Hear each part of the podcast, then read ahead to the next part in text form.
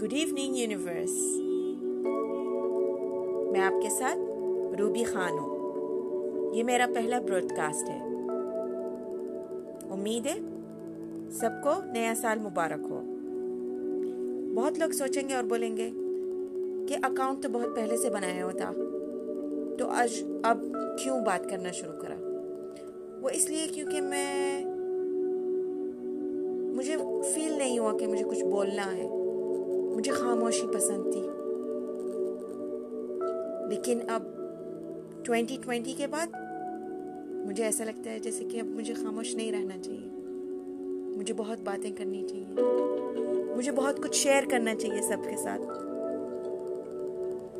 तो मैं अपनी आवाज़ निकाल रही हूँ, सबसे बात कर रही हूँ।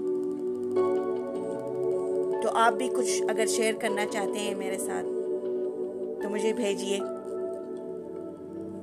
उम्मीद करती हूँ सबको नया साल मुबारक हो। 2020